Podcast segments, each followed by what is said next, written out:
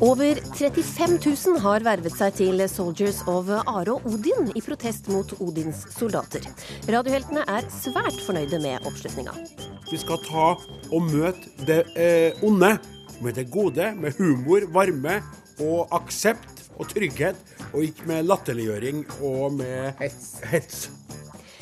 Miljøpartiet De Grønne er bare for miljøtiltak som går utover folks levestandard, mener FPU. Mindre kjøpekraft betyr ikke et dårligere liv, svarer Grønn Ungdom. Og å stå snowboard er som å danse. Nå skal jeg danse med den hvite dama. Ukeslutt har møtt snowboardikonet Tom Tommen Bjerknes, som blåser i X Games. Velkommen til ukeslutt denne siste lørdagen i februar, hvor vi også skal snuse litt i kjøkkenet til Norges første restaurant med tre Michelin-stjerner. Jeg heter Linn Beate Gabrielsen, og vi starter med kveldens store TV-fest.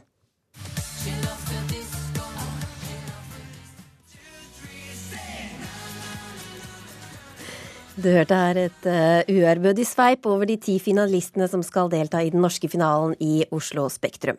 For i kveld er kvelden for å dra fram stemmeskjemaene og fylle opp kontantkortet. Det er Melodi Grand Prix.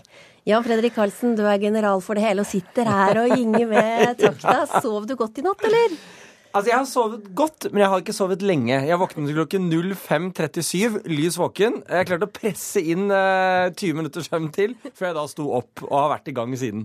Du har sagt at uh, dette er som å gå opp til eksamen. Hva er du nervøs for nå, bare noen timer før uh, direktesendinga? Altså, det, det, kom egentlig litt som en sånn lyn på meg i går, når jeg uh, skjønte Uh, hva jeg egentlig har begitt meg ut på. Fordi uh, jeg har jo da selvfølgelig sammen med en liten gruppe mennesker, men er allikevel ansvarlig for de ti låtene og de ti artistene som skal presenteres til det norske folk i Oslo Spektrum i kveld, som vises på NRK1 klokken 20.55.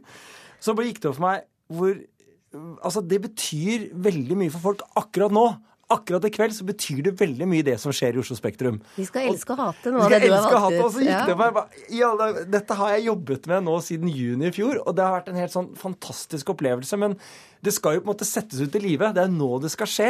Og det er som å gå opp til eksamen. Jeg har, ingen, jeg har ikke artium engang, så jeg, ikke, jeg, har ikke mye erfaring å gå opp til eksamen, men det føles sånn uh, i kveld. Men hvor kynisk må man være da, når man velger ut uh, låter for å liksom treffe Altså vi har litt computerpop her, med spark til Russlands homopolitikk, boyband, gamle rockere, ballader. Altså ja, Det er jo en eh, deilig, deilig slags konfekteske du nå beskriver. Så jeg er veldig glad for at du sier det på den måten, for det har vært poenget. Uh, for meg så handler ikke dette om kynisme. Jeg elsker popmusikk, jeg elsker variasjon, jeg elsker store show. Eh, og valget som har blitt tatt, har jeg tatt på magefølelse og på den ekte opplevelsen av hva jeg hørte første gang jeg hørte de låtene, og så så jeg noen visjoner med det. Og det er det jeg har gått for. Og noen kan kalle det kynisme. Jeg kaller det å elske musikk over gjennomsnittet mye. er det noe Jan Fredrik-stempel på det her? Ja, altså Det er jo sånn jeg jobber. Eh, så jeg tror at de som kjenner meg, har jobbet med meg i musikkindustrien, eh, og nå har jeg etter hvert vært veldig heldig å jobbe med dette i mange tiår, eh, ser jo på en måte det Altså det er umiddelbart, og så er det tydelig. Du må forholde deg til det som skjer. Og jeg er ikke noe sånn det, Sånn er jeg som person, da. Jeg er litt sånn, på en eller annen måte kanskje enkel og naiv, men jeg handler på impulskontroll øh, og, og, troen på at det jeg hører der og da, det, det, hvis jeg treffer meg, så tror jeg det kan treffe mange andre. En av eh, overraskelsene i kveld, det er deg også, Kleveland. Velkommen hit. Tusen takk skal du ha. For at uh, alle vet kanskje ikke det, men du skal jo også faktisk være med på, på show i kveld. Fortell litt hva du skal bidra med. Ja, du kan jo gjette tre ganger. Jeg skal nå etter eh, Jeg har jo da dobbeltjubileum i år. Det er 50 år siden 'Intet er nytt under solen' vant norske finalen og kom tredjeplassen i Luxembourg. Og det er 30 år siden den store, fantastiske finalen i Bergen, som jeg hadde den utrolige glede å få lov å lede. Så eh, det er selvfølgelig da 'Intet er nytt under solen' som skal frem igjen, og den har jeg nesten ikke sunget på alle disse år, med noen unntak for gode venner som har herrer som har hatt bursdag og følt alderen tynge. Men likevel så er jo det en sang som eh, fortsatt eh, lever. Hvordan opplever du at den er framme i folks bevissthet? Det, og det er jo så fascinerende, fordi at det er jo en så Hvis man skulle gjette på hva som blir en, en poplåt, eller en slager, som det heter på den tiden, Så det å lage en låt i fem fjerdedels takt, en typisk jazztakt, om en, en dyster tekst om en gammel mann som sitter der og ser med gru inn i fremtiden Altså, det var ikke noe sånn 'her kommer jeg som er ung'. Sånn at, sånn at det, det, var en veldig unik låt, men den var så spesiell at jeg tror det er derfor man har husket den. Og det som er morsomt å se nå etterpå, det er at altså det kommer bort folk på gaten eh, som jeg ikke kjenner, som sier 'Jeg vet om en gammel mann'. Og jeg er sikker på at moren deres var ikke født i 66 engang. Altså. Det, er, eh, det er noe som går i arv. Og så må jeg jo bare legge til eh, det at låten er spesiell og unik, annerledes. Men så er det jo også Det har veldig veldig mye med den som fremfører den å gjøre. Og Åse, Åse Kleveland har en nådegave når hun sitter og fremfører den sangen. Og jeg har vært på prøvene, og det er helt fantastisk. Og hun Altså den ser jo ufattelig nydelig ut. Eh, altså, Det er ikke mulig. Så det blir et eh, moment for oss alle sammen. Og dere må bare glede dere dere der hjemme som skrur på TV i kveld. Du har, også, du har også tatt med deg et uh, antrekk hit i dag. Kan du fortelle oss hva, hva, det er for noe? Ja, denne melodien var jo unik og spesiell på flere måter på den tiden. Det ene var da teksten og rytmen. Men så var det også så Vi slo inn en del eh, dører og brøt noen tradisjoner på den tiden. Det var første gangen en kvinnelig artist hadde på seg langbukser. Og det var jo jeg lykkelig for, for jeg var veldig sånn buksejente på den tiden. Så jeg har tatt med meg her. Det, det ble da valgt sjokkrosa som farge, for det var tenkt å gjøre seg spesielt godt i svart-hvitt-TV. Ja. og den, den, den ble, gjorde så dypt inntrykk at da jeg året etter etter Grand Prix var ute og gjorde TV i mange europeiske land, så var det var ikke så farlig hva jeg sang. Bare jeg hadde på meg buksedressen. Ja. og der har du den. Med paljetter og glitter ja, ja. Kostymeavdelingen i fjernsynet har laget den, og det er fransk uh, silkekrepp, og det er ikke spart på noe. Så den er veldig fin fremdeles. Dessverre så får ikke jeg på den lenger, men uh, uansett. Du blir sikkert fin i kveld òg får vi tro. Ja, altså det gjør hun veldig. Ja. Det kan jeg, det kan jeg skrive, skrive, under på. at hun Men kan du gi oss noen uh, garanti på at vi kommer til å gjøre det bra i den internasjonale finalen i år, da? Lover du oss det? Altså Det som jeg syns er så fint med det Åse nettopp sa, at det, det fins ikke noe uh, fasit på hva en hit er. Uh, og det er det som er motivasjonen for alle som skriver musikk, jobber med musikk og prøver å lykkes med musikk, er at du ikke vet det. Uh, ambisjonen min og ambisjonen vår er å vinne Eurovision Song Contest i Stockholm i mai. Det må være ambisjonen ved å ha denne jobben. Så kan du ikke ha noe annet enn det som ambisjon. Uh, den matematiske sannsynligheten er ganske liten for at det skjer. Men det er det vi har tro på. Og jeg er helt overbevist over at en av de låtene som står i Spektrum i kveld, har det potensial til å gjøre det. Og i kveld i, i Spektrum skal få, de skal få høre deg eh, synge 'Intet er nytt under eh, solen', og på TV skal få høre det, men nå mimrer vi med opptaket fra 1966.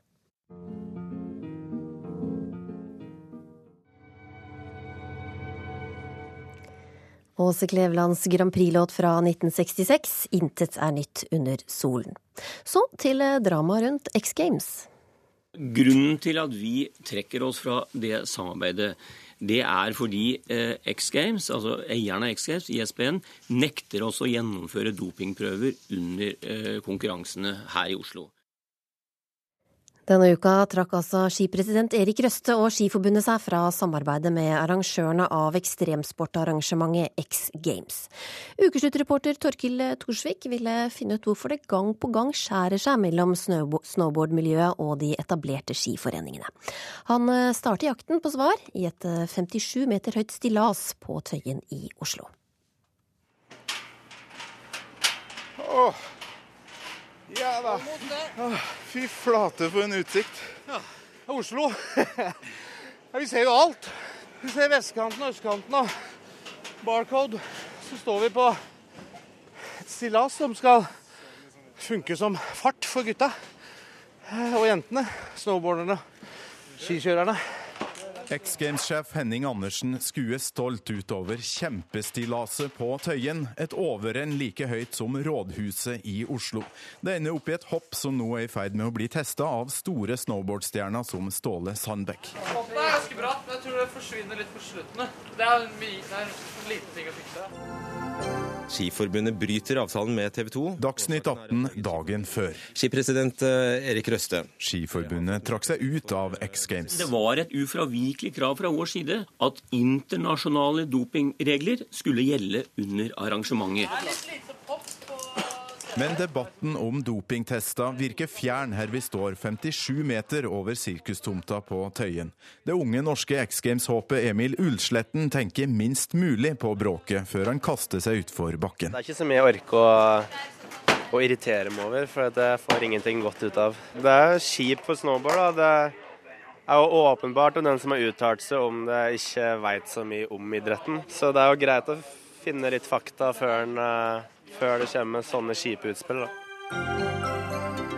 Håkonsen gidder ikke. Dagsnytt 18 i 1998. Delta i OL, det strider imot hans filosofi, med mindre dette skjer. Når uh, Sjamarans ringer meg, spør om jeg skal være med. Ei norsk snowboardstjerne boikotter OL i Nagano. Terje Håkonsen vil at utøverne skal styre mest mulig av sporten selv. Og dagens konflikt går ut på mye av det samme, sier X Games-sjef Henning Andersen. Vi driver med idrett og lek og gøy, og de driver med maktspill. Så det starter jo liksom med det, at det er en kulturkrasj. da. Snowboard kommer jo fra surf, som var på en måte den første livsstilssporten som brøyt fra tradisjonell idrett. Altså det er ikke noe bevisst valg, men bare frie gutter og jenter som begynte å ha det gøy på, med naturelementene.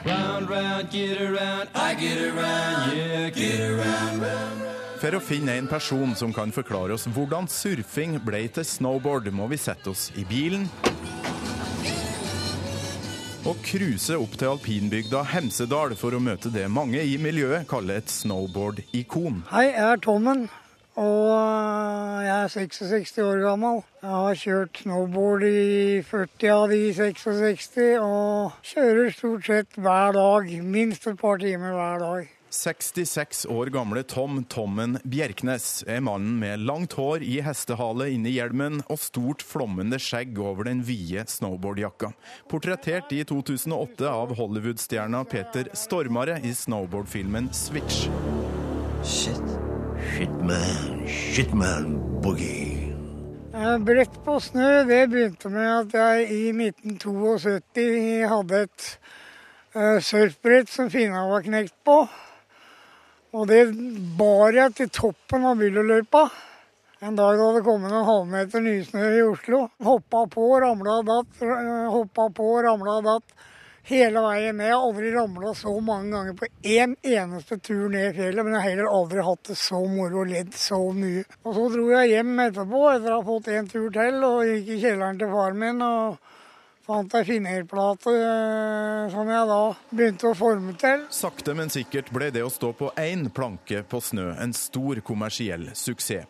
Men det var en stor tabbe at snowboardsporten på 90-tallet havna i OL og under Det internasjonale skiforbundet, sier Tommen Bjerknes på vei bort til Tekrokheisen i Hemsedal. De skal ha det på sin måte, for da bestemmer de reglene. Og ikke vi som utøverne. Vi er bare statister i de store forbundenes spill.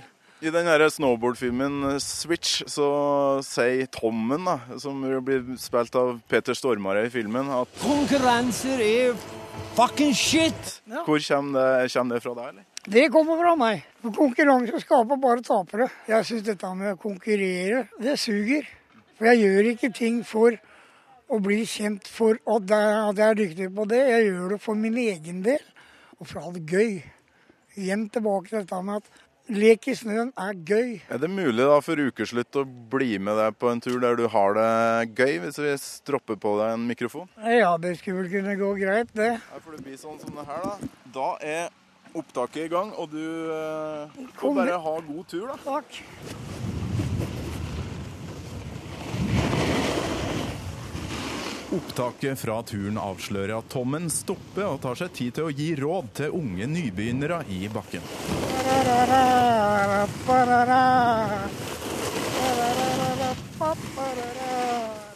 Det beste tipset jeg kan gi deg nå, det er å slutte å tenke og begynne å synge favorittmelodien din. Fordi at du, sånn som det er nå, det jeg så i går, da tenker du for mye. Opptaket avslører også en 66-åring som er over gjennomsnittet glad i å stå på snowboard. Husk at det er rytme på det. Jeg skal danse. Nå skal jeg ut og danse med den hvite dama. Ha en god dag, alle sammen. Friend of the devil is a friend of mine. I get home before daylight. I might get some sleep tonight. Ja, deilig. Ja, som alltid. Nå må jeg tilbake til Oslo og X Games. Har du noen hilsen til dem som konkurrerer i helga? Lykke til, alle sammen. Ha det gøy. And have a hell of a party, my friends. Tilbake på toppen av stillashoppet i Oslo står OL-sølvvinner og medaljegrossist i X Games Torgeir Bergrem og gjør seg klar for et testhopp. Han vil gjerne hilse tilbake til Tommen i Hemsedal. Ja, han kjenner jeg. Han er en legende i vår eh, lille verden. Jeg har alltid vært en figur da, som elsker å kjøre snowboard og bare har så mye glede av det. Så det, jeg tror det er bare derfor. Altså. I en spinkel heis på vei ned til trygg og tørr asfalt står jeg igjen med et inntrykk av at snowboardmiljøet vil leke og ha det artig, uavhengig av regelstyring fra etablerte forbund og idrettspolitikere. Det er på tide å rive seg løs fra den slags, mener X Games-sjef Henning Andersen. Det viktigste er at uh, snowboarderne får kontroll på egen sport, for da kan de i hvert fall uh, lage det regelverket som er tilpassa sporten. Og de må få lov til å beholde liksom, det særpreget og identiteten der, da. Det, det, og det kan fort gå tapt hvis du, hvis du regelstyrer for mye.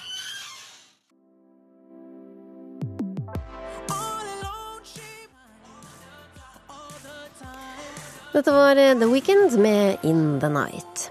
Som en eh, motvekt til eh, Odins soldater og Allahs soldater har radioheltene Are og Odin fått en helt egen hær, som nå har flere folk enn Hamar by. De har slagordet klart hvis det blir nødvendig å innta gatene. Vi skal henge opp et kjempestort banner med, med bokstaver som sier at vi må bry oss om hverandre. Svart og hvit, gul og rød, hund og katt, ku og sau. Men før vi kommer så langt, skal vi fyre opp til debatt. Fyrer du med ved? Fyrer med ved. Fyrer med ved. Fyrer med ved. Alle vi fyrer med ved. Og ved og ved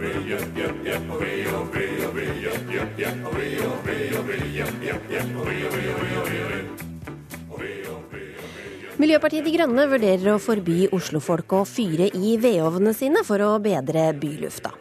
Og selv om de gjerne vil ha mer fornybar energi, så er de skeptiske til den nye vindmølleparken som skal bygges i Trøndelag. Og det får deg til å si at eh, Miljøpartiet De Grønne nå viser sitt eh, sanne ansikt. FpU-leder Atle Simonsen, hva er det du mener med det? Nei, altså Ikke bare Miljøpartiet mot eh, norsk olje og gass, som er med å redusere klimautslipp. De er òg mot å bygge ut vannkraft, som vil sørge for at flere millioner europeere kan slutte med forurensende kullkraft. Og så er det den siste i rekka av denne parodien, at de nå er òg mot at man skal bygge ut eh, vindmøller oppe i Trøndelag. Eh, og Det viser at Miljøpartiet er en bløff. Eh, det eneste som da står igjen som klimatiltak, er at eh, du og meg skal få redusert kjøpekraft, vi skal få en lavere levestandard. Men det mest sjokkerende er jo ikke at Miljøpartiet mener disse tingene her, men at Arbeiderpartiet tenker å gå til, til valg med denne gjengen her. Anna Kammen, du er nasjonal talsperson for Grønn ungdom. Er dere en bløff? Nei, vi er ikke en bløff. Vi er et parti som jobber for et medmenneskelig samfunn i økologisk balanse. Jeg tenkte å ta for meg Atle Simonsens påstander litt sånn én og én, eh, og tenkte først å svare på dette som gjelder vindkraft. For det er feil at Miljøpartiet De Grønne er mot vindkraft. Vi er for en helhetlig nasjonal vindkraftplan som ser på hele landet under ett, og kan vurdere hvordan vi best mulig utnytter vindressurser og kulturlandskapet. Men hvorfor er dere skeptiske Men, til det i Trøndelag? Det kommer jeg til nå. Fordi i fraværet av en sånn helhetlig plan som politikerne i Norge enda ikke har fått på plass, så er det jo klart at det blir næringa selv som får styringa på disse prosjektene.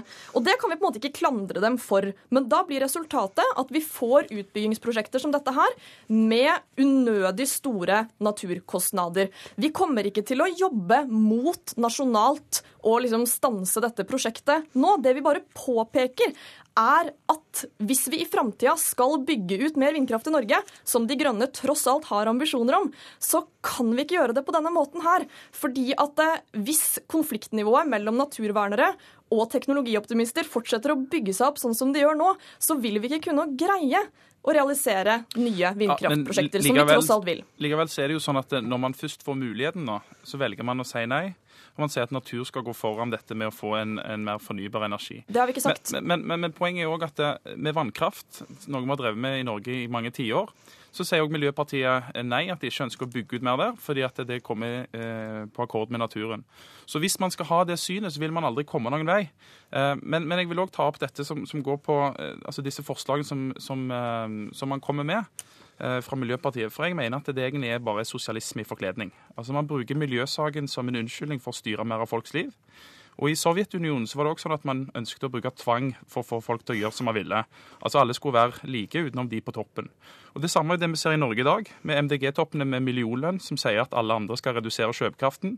Alle skal fly mindre og ikke kjøre bil, mens partilederen kjører en stor SUV og toppene flyr til møter rundt omkring i landet. Eh, Og Jeg sier, de, sier ikke at de skal stoppe med det, men da er det dumt eh, å be alle andre endre seg hvis man ikke er villig til å endre seg sjøl. Ja, nå var det mye på en gang her, og det er faktisk andre gangen i løpet av én uke at jeg har hørt at eh, De grønne sammenlignes med Sovjetunionen, og det syns jeg jo er, er litt eh, drøyt. Men, men for å eh, gå tilbake til dette som vi startet med, da, som handlet om eh, vår, vår påståtte motstand mot eh, all ny energiutbygging. Og her, her eh, unnlater jo Atle å svare på det jeg faktisk sier, at det er ikke sant det, sier, det han sier, at vi er mot ny vindkraftutbygging, eller at vi er mot å eksportere ny energi til Europa. Vi er jo for å eksportere noe av det overskuddet i vannkraften vi allerede har, til Europa, og å bygge mer mer fornybar energi som vi også kan eksportere til Europa. Men dere Så- sier nei til, til mer vannkraft, og når dere får muligheten til å si ja til det som er det største vindkraftprosjektet i hele Europa, så velger man altså å si nei. Vi sier ikke nei, Atle. Vi har bare påpekt at det er et stort dilemma med sånne utbygginger mellom naturvern og det å bygge ny teknologi. Vi sier ikke nei til dette prosjektet, men vi sier at vi må planlegge det bedre i framtida. Og dere bryr dere jo ikke i det hele tatt om å på en måte se på de problemstillingene, erkjenne at det er en konflikt der. Og det kan jo komme eh, som kjepper i hjulene til vindkraftnæringa seinere, hvis man ikke erkjenner at den konflikten finnes. Atle Simonsen, er det mulig å gjøre, gjøre endringer og, og få til klimatiltak uten at det rammer folk flest, da? Ja, jeg mener det. Jeg mener det er absolutt mulig. Vi har en teknologi som, eh, som går raskere og raskere, og det er mulig å finne bedre løsninger. Men man må, man må slutte å tenke på at Norge i seg selv skal redde verden. Altså, det store problemet i, i, eh, i verden er at det, det er stadig flere som bruker kull. Altså, eh, Det er kull som øker mest i den type energiform vi bruker. Det var 24% i 1973. Nå er det oppe i 29% Og Jeg skulle ønske at Miljøpartiet heller ville snakke om, om hvordan man kunne få færre til å bruke kull, istedenfor å bare snakke om at man ønsker å ta fra folk jobben og legge ned norsk oljenæring. For det kommer ikke til å forandre noen ting. Det er etterspørselen etter energi som avgjør om hvor mye olje og gass som produseres. Ikke om, om vi struper ned produksjonen eller ikke. Og nå er det sånn at Kull, olje og gass står for over 80% av verdens energibehov. Og det er et økende energibehov. Og Da er det urealistisk å fase dette raskt ut. Og Da bør vi heller se på hva vi kan gjøre for å få ned kull. Og Da er norsk olje og gass, spesielt gass, eh, med på å sørge for at det faktisk er færre som bruker kull i Europa. Men dere syns at andre bør kutte, som f.eks. Kina. Hvorfor skal ikke Norge ta en del av kuttene, som den eh, oljenasjonen vi er? Jeg mener jo at eh, vi bør tenke globalt på dette. Og, når det er sånn at eh, hvis kinesiske kullkraftverk, som det åpnes to stykker av hver uke, hvis de hadde hatt tysk standard, så hadde hele verdens miljøforpliktelser vært, eh, vært oppfylt. Og da synes jeg Istedenfor at vi skal flikke og gjøre det vi gjør bra i Norge, litt bedre, så burde vi heller si at Norge kan være med å betale for at andre land som forurenser mye, får oppgradert sine anlegg, og sånn at de forurenser mye mindre. Er det en kost- god idé, det koster mindre for oss, og det er bedre for klimaet. Nå er det sånn at eh, myten om at norsk gass og olje er en klimaløsning, den har fått feste seg eh, og etablere seg i norsk offentlighet i løpet av utrolig kort tid. Og den myten den må man knuse. For det er altså sånn at hvis vi skal greie å nå de forpliktelsene vi har ved å si at vi vil nå togradersmålet, ved å delta i klimaforhandlingene i Paris, så må forbruket av både kull, olje og gass i Europa synke drastisk før 2030. Men er norsk Så- olje og gass bedre enn kinesisk kull, f.eks.? Ja, det, altså, nå er det sånn at det, eh, Per mengde liksom, forbrukt eh, fossil energi, enten det er kull, olje og gass, så er det vanvittig klimafiendtlig. Det er kanskje noe bedre med olje og gass, men det er reell tvil om olje og gass fra Norge i det hele tatt fungerer som en bro over til fornybarsamfunnet. For det finnes nemlig empiri på at olje og gass også utkonkurrerer fornybart på det europeiske markedet. Så det er det er ene. Det andre er at vi har ikke tid til å erstatte én fossil energikilde med en annen fossil energikilde før vi går over til fornybart. Så hele politikken til FpU og Atle Simonsen bygger på et klimafiendtlig premiss, nemlig at verdens politikere ikke kommer til å greie å senke etterspørselen etter fossil energi, og det må vi. Og da må jeg nødt til å si tusen takk eh, til dere. Takk Anna Kvam og Atle Simonsen. Ukeslutt har eh, følgende på plakaten den eh, neste halvtimen. Det er ikke greit å spise pølse på trikken eller presse inn barnevogner i rushtida, skrev Dagsavisens Espen Rustad. Skjerp deg, svarer irritert passasjer. Norge har fått sin første restaurant med tre høythengende Michelin-stjerner. Snobberi, mener matjournalist Per Borglund. Cyberangrep er en eh, stadig større trussel mot eh, Norge, kunne sjefen for eh, E-tjenesten fortelle da han la fram sin årlige rapport denne uka. Spesielt Kina og Russland driver i stadig økende grad med digitale etterretningsoperasjoner, forteller E-sjef Morten Haga Lunde. Ja, du kan se på det i tre dimensjoner. Det ene er at hvis noen kommer inn, bryter seg inn i, i datamaskinen din og stjeler dine hemmeligheter, ting du ønsker å holde for deg sjøl, det er alvorlig.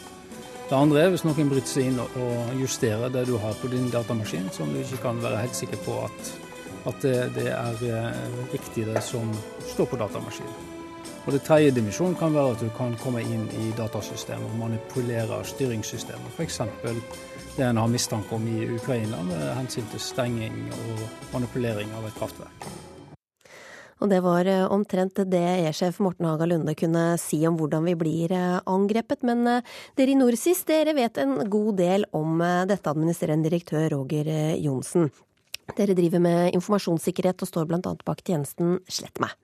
På hvilke måter kan vi bli angrepet digitalt?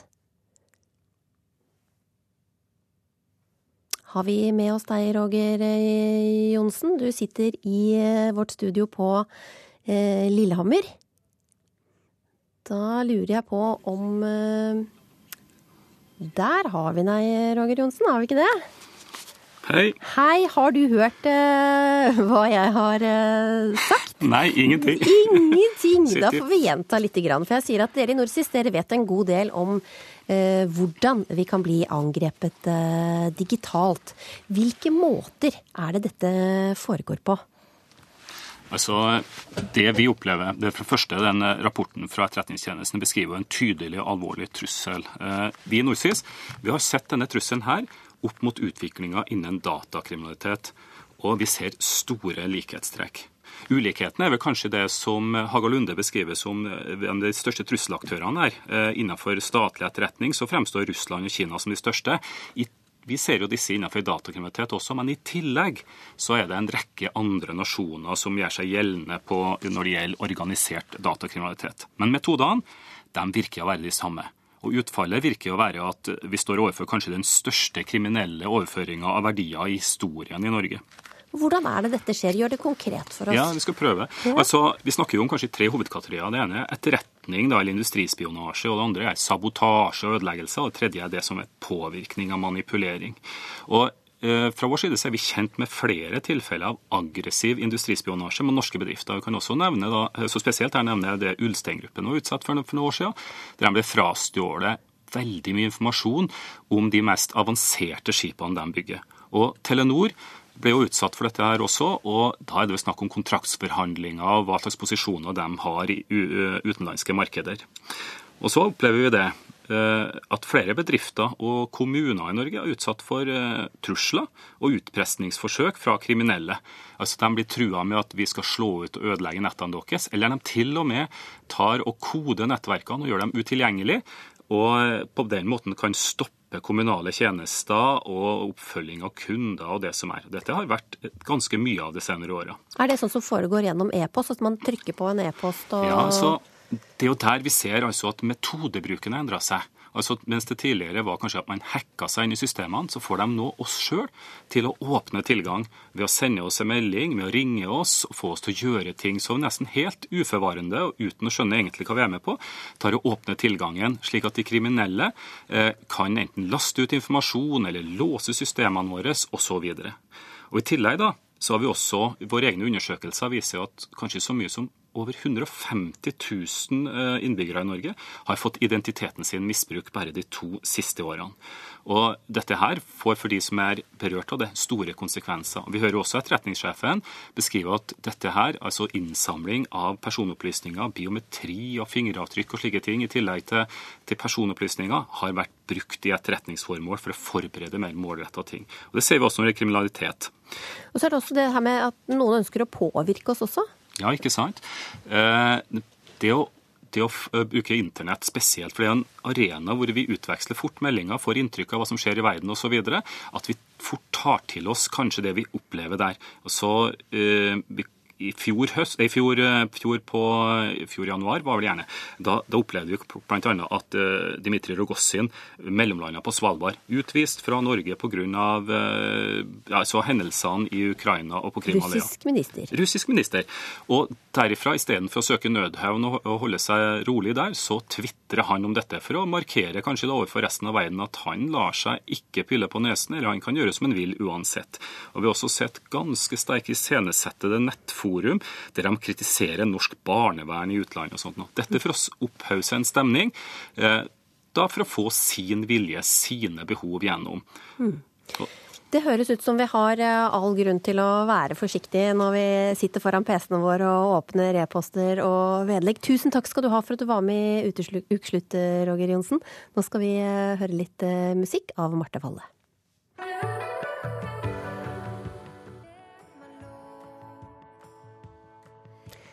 Det du hørte her, var Marte Valle med 'Tenk om'. Denne uka fikk Norge endelig en restaurant med full pott fra Michelin-guiden. Stjernene er snobberi, mener noen kritikere, når ventetida for å spise på en trestjerners er på flere måneder. Ukesluttsreporter Fredrik Brogeland Låke fikk snuse rundt på kjøkkenet til Maemo, hvor trestjernersmagien foregår. Vi har kjøkkenet, og her er det musikk og mange hender som, eh, som begynner å selges an eh, for allerede i kveld. Med utsikt mot Barcode i Bjørvika, akkompagnert av et av James' klassikere At Last, er kokkene på Oslo-restauranten Maemo i full sving med å forberede kveldens 20-retters meny. Hovmester Benjamin Ausland tar oss med opp en trapp til et kjøkken der overflatene glinser av orden. Her er selv en så enkel ting som å tilberede løk preget av nøyaktighet og finfølelse. Så her sånn så har vi en syltet løk som man har hatt utover på brett og brukt en uh, torch, altså som en sånn liten flammekasser, for å skulle grille løken, altså det chard, som man kaller det. På de ulike kjøkkenstasjonene finner vi alt fra fersk sjøkreps og piggvar til reinsdyrkjøtt og moste poteter i runde kuler. Onsdag denne uken ble Maemo den første restauranten i Norge som kan smykke seg med tre Michelin-stjerner. Har dere hatt tid til å feire det her, eller? Det er nesten en hvilken som helst sak på kjøkkenet. I går så var det en litt merkelig service hvorav eh, alle er litt sånn eh, høye på, på, det som har skjedd. Rett og slett en liten sånn rus som, som treffer oss alle. På restaurantens nettside finner vi en video av kjøkkensjefen på Maemo, Espen Holmbo Bang, der han traver rundt i den norske ødemarka med en kniv i hånden, tilsynelatende på leting etter et dyr å slakte. Musikken er dramatisk, vi ser løpende sauer og blod som drypper fra kniven. Filmen ender med at Holmbo Bang stykker opp og steker lammekjøtt over et bål i den norske skjærgården. Altså, vi, vi lager mad. Det er personlig kjøkken. og føler maten skal være en naturlig forlengelse av den norske natur og det norske landskap og, og råvarene. Ifølge kjøkkensjefen er dette selve essensen av Maemo. Kortreist og økologisk mat. Så her restauranten, skal man, når man går inn, så skal man føle hvor man er og hvilken tid vi lever i. Det har vært helt fantastisk. Og vi er jo stolte og takknemlige og rørte. Og jeg tror ikke helt det er sunket inn. Så øhm, når det kommer, så blir det, det emosjonelt, tror jeg. Hvis du ser på den oppmerksomhet altså utdeling av Michelin-stjerner får i forhold til hvor mange mennesker disse restaurantene tar imot i løpet av et år, så er det jo sannsynligvis utenfor alle proporsjoner. Matskribent og journalist Per Borglund lar seg ikke imponere av Michelin-stjerner, og mener det hele er et uttrykk for snobberi. Jeg er ute etter det enkle, eh, det velsmakende, og det finnes gudskjelov massevis av norske restauranter nå som er, ligger på det nivået, hvor det brukes fremragende råvarer, og hvor tilberedningen er forholdsvis enkel, og hvor det ikke er altfor mye dill. En trestjerners eh, restaurant i Oslo den er ikke for folk flest. Kjøkkensjefen kjenner seg ikke igjen i Borglunds beskrivelser, og avfeier kritikken. Det syns han. Det er fint, det. Skal, jeg vet ikke hva jeg skal si til det. Jeg syns det er en litt usaklig påstand. Men, eh, men det, får han, eh, det får han stå for egen regning. En som vet hvordan det er å drive restaurant med Michelin-stjerne, er den norske kokken Even Ramsvik. Uansett hva man driver på med og man har lyst til å hevde seg, så er jo det mye jobb. I 2014 ble hans restaurant i Ilayali tildelt en stjerne. Han vet derfor godt hva som kreves for å drive en Michelin-restaurant. Når du driver restaurant, så blir du, jo, eh, blir du jo eksponert for produktet ditt hver eneste dag. Og da er det jo veldig mye jobb i å holde på den kontinuiteten av kvalitet. Da. Men at Michelin-kåringen er snobbete, vil ikke Ramsvik gå med på. Nei, altså, jeg, jeg syns det er en veldig konservativ tankegang akkurat nå. Jeg, jeg kunne skjønt det hvis det her var uttalelser fra kanskje ikke mer enn syv-åtte år tilbake igjen i tid. Tilbake på Maemo-kjøkkenet er kokker fra alle verdens hjørner snart ferdig med kveldens retter. Really awesome, really. En av dem som har kjempet seg frem til kokkestilling på Maemo, er amerikanske Emily. Hun er eneste kvinne på kjøkkenet.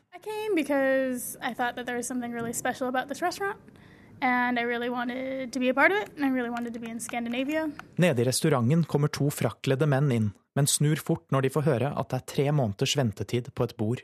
Sånn er det å være en del av det gjeve trestjerners selskapet.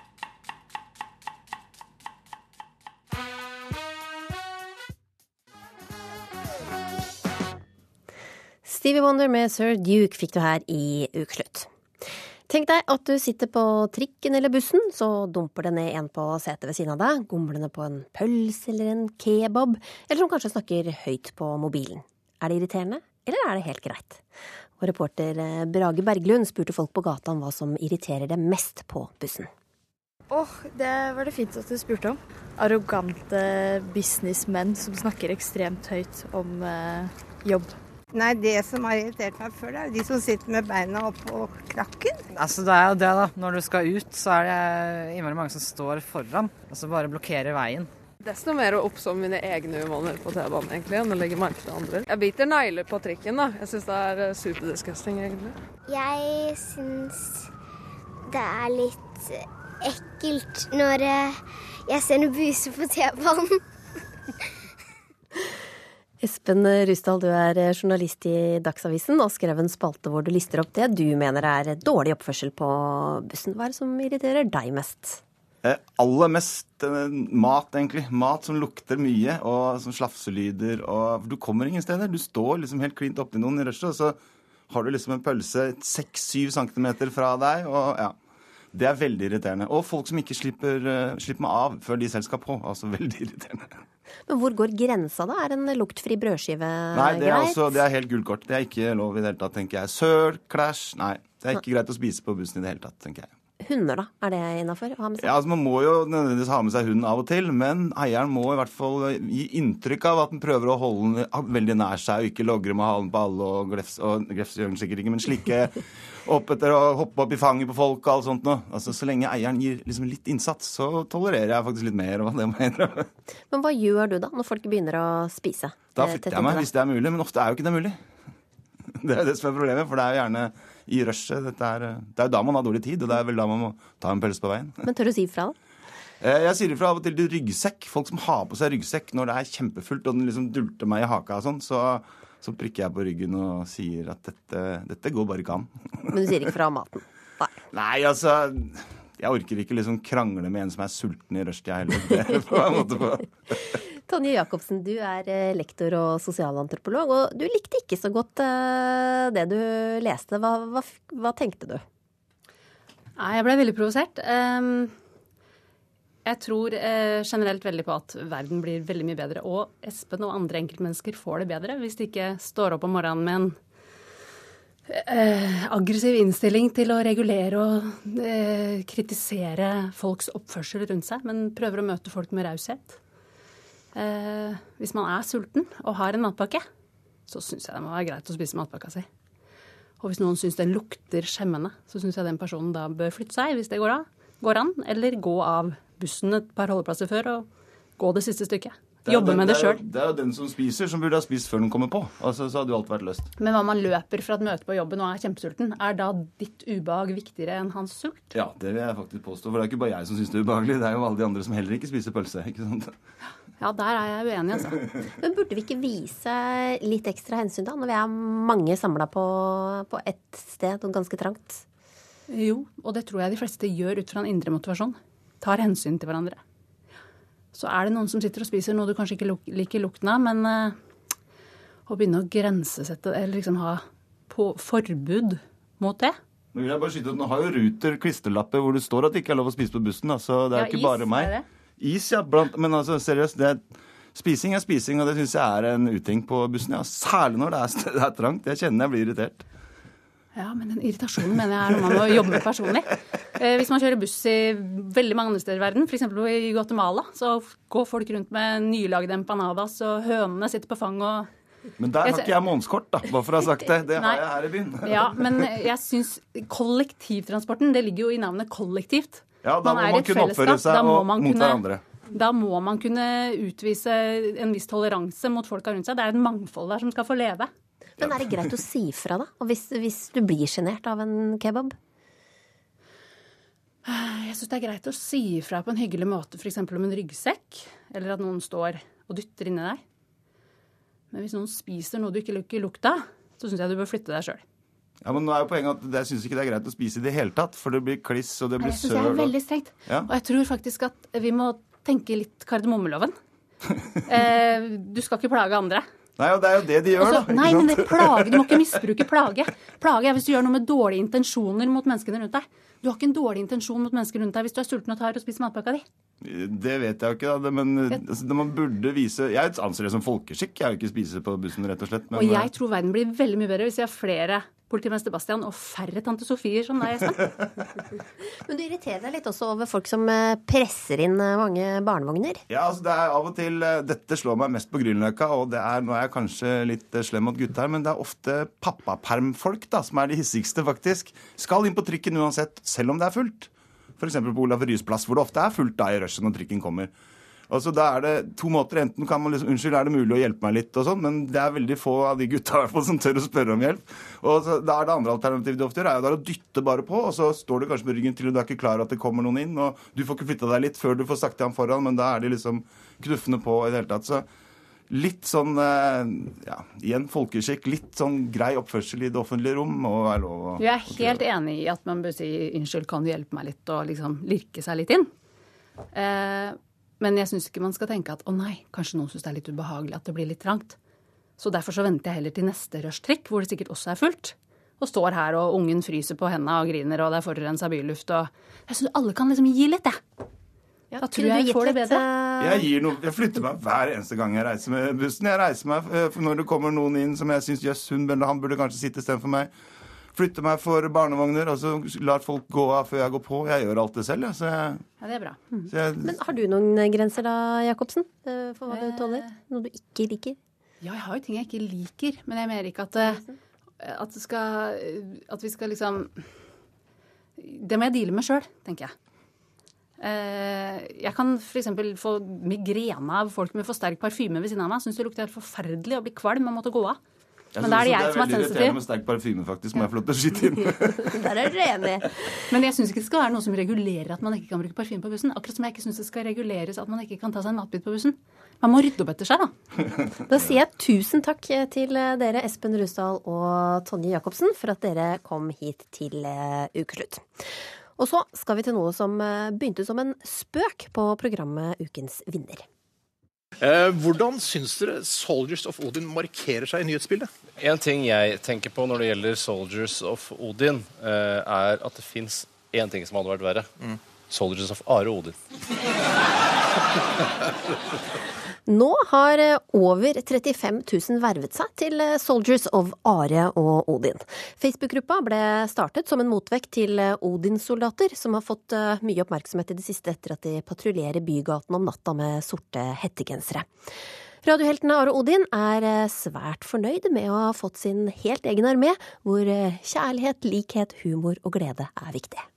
Altså, Som gammel militærnekter så er det utrolig artig å ha en hær på omtrent 30 eh, 000. da, folk. Ja, du kan kalle det en fredsbevarende styrke, rett og slett. Ja. Det er det det er. Rett, vi må stjele fra FN. Ja. Det er det det er. Mm. Det er folk, eh, en fargerik flora av folk som er nestekjærlig, humanistisk og varm og god. Hvem er det som er den typiske soldaten i eh, hæren deres? Nei, Det er veldig vanskelig å si, for det er jo så varierende folk som er med. Og altså, vi har vært inne og sett på eh, hva folk skriver. Og det er utrolig artig lesning å se hvor snill og hyggelig og sivilisert folk er med hverandre. Ja, men Det er jo fellestrekket. Ja. Det er jo kanskje fellestrekket. Altså vår herlige hærskare.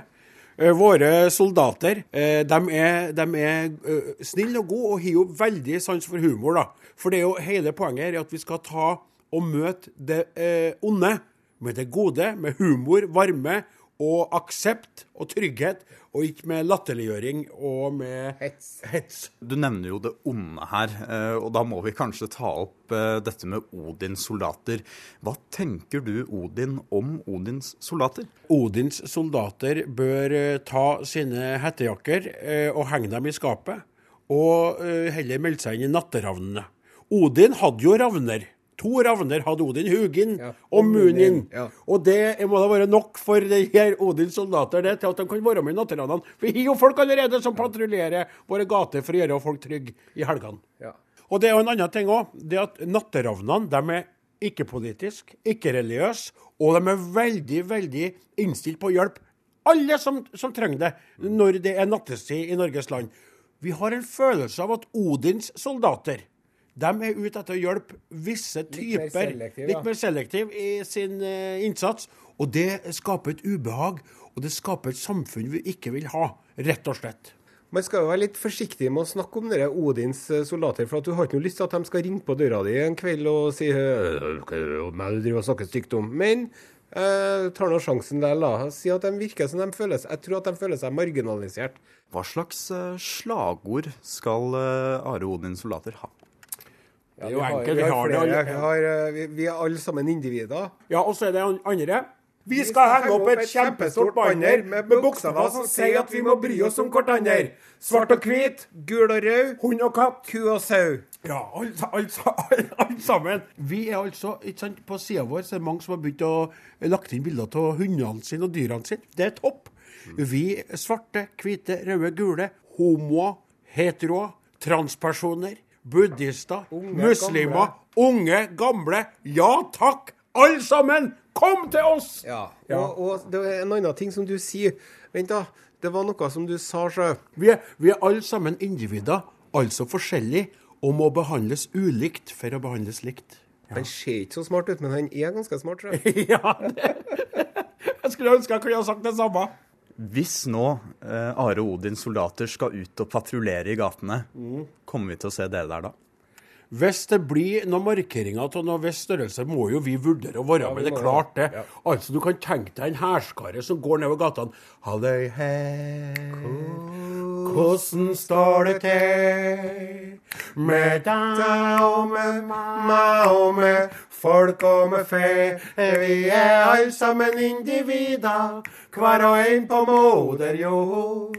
Rop høgt, halløy her, hvordan står det til i dag? Ja, rop høgt, halløy her, hvordan står det til i dag?